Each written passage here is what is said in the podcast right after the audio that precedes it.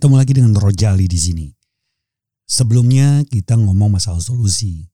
Bagaimana ketika kita di titik nadir, terasanya kita tidak melihat apa pun, tetapi semesta dengan ajaib pasti akan memberikan solusi-solusi itu. Salah satu langkah yang digunakan adalah pengetahuan atau knowledge. Ya, pakai kata knowledge lagi. Kenapa pakai knowledge? Karena begini.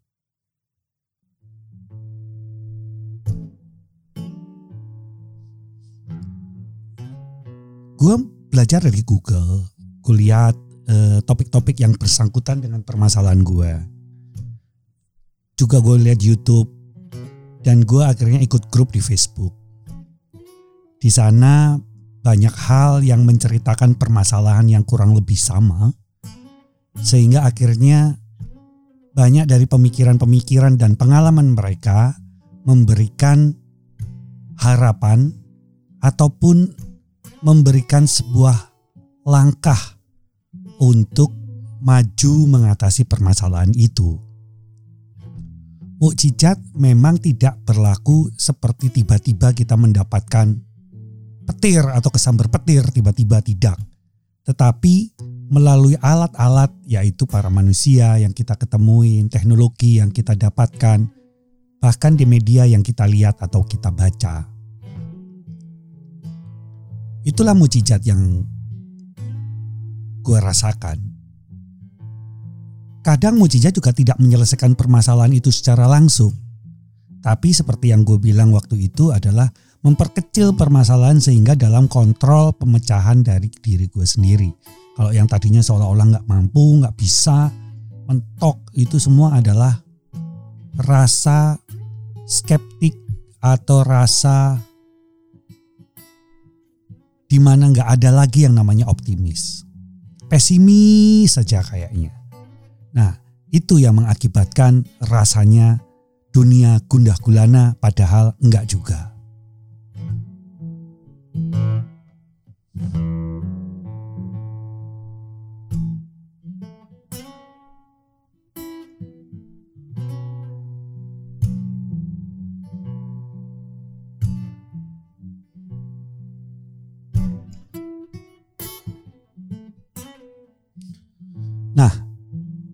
Menceritakan mujizat yang gue alami. Mujizat yang dialami oleh orang tua gue juga. Di mana orang tua gue itu udah sepuh. Tetapi mereka bisa melakukan sesuatu yang dahsyat sekali. Yang memberikan sebuah harapan yang sangat cerah buat gue dan permasalahan gue. Pasangan juga demikian. Walaupun agak cembetut-cembetut. Tapi dia memberikan sesuatu yang terbaik dari dia yang dimilikinya, sumber dayanya, sehingga membantu juga untuk memecahkan permasalahan-permasalahan yang ada. Mujizat itu tidak berhenti di situ seperti yang gue bilang tadi. Tapi mulai merambah ke grup-grup di Facebook yang selama ini gue anti Facebook ya sebenarnya. Terus merambah kepada obrolan-obrolan tukar pikiran, brainstorming. Media-media seperti YouTube yang ku cari tentu saja yang positifnya ya, kalau yang negatifnya enggak. Ternyata banyak sekali gitu cara-cara untuk mengatasi permasalahan-permasalahan yang terjadi.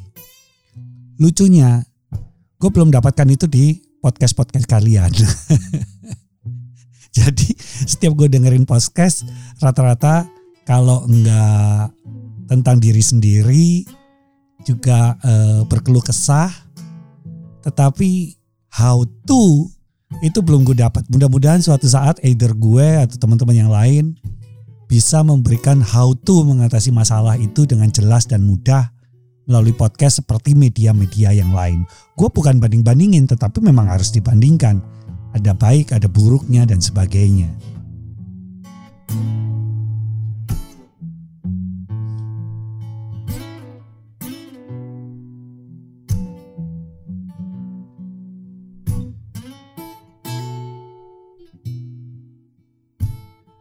Yang paling gak enak dalam menghadapi masalah itu ya itu deg-degan, nggak bisa tidur, susah bekerja, pikiran itu terpecah, energi kita habis nggak tahu ke mana, ngayal buruknya, pesimisnya tadi itu memakan energi banget.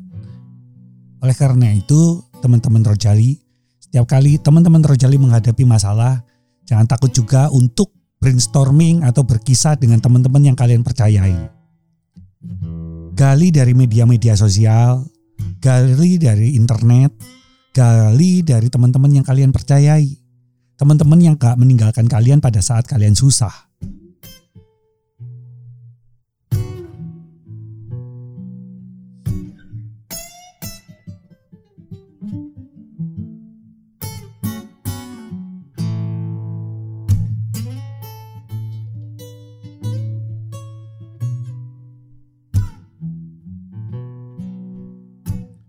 Oleh karena itu teman-teman, Memang dunia ini tidak ramah kok, nggak selalu ramah dengan kita.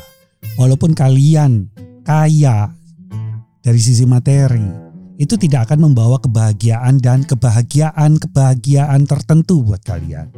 Pasti ada nilai tukar. Nah, dalam berdoa juga demikian. Tapi ini yang agak gue sedikit ternyuh ya. Ada doa yang namanya doa silih Artinya berjanji kepada Tuhan apabila ini teratasi maka akan gitu loh kayak kayak apa ya punya punya janji kepada semesta ini atau kepada Tuhan. Ibu gua gitu. Dia mendapatkan mujizat dan melakukan kekuatannya karena dia melakukan doa silih. Entah apa silihnya. Tapi semoga silih yang baik yang terjadi tentunya. Silih yang terbaik juga buat pasangan gue. Silih yang baik juga untuk bapak gue. Sehingga kehidupan menjadi penuh syukur dalam arti sebenarnya. Dan betapa bangganya kita mengikuti jalan yang tidak mudah, tapi membawa kepada sorga yang ajaib. Sampai di sini dulu, ketemu lagi dengan Rojali.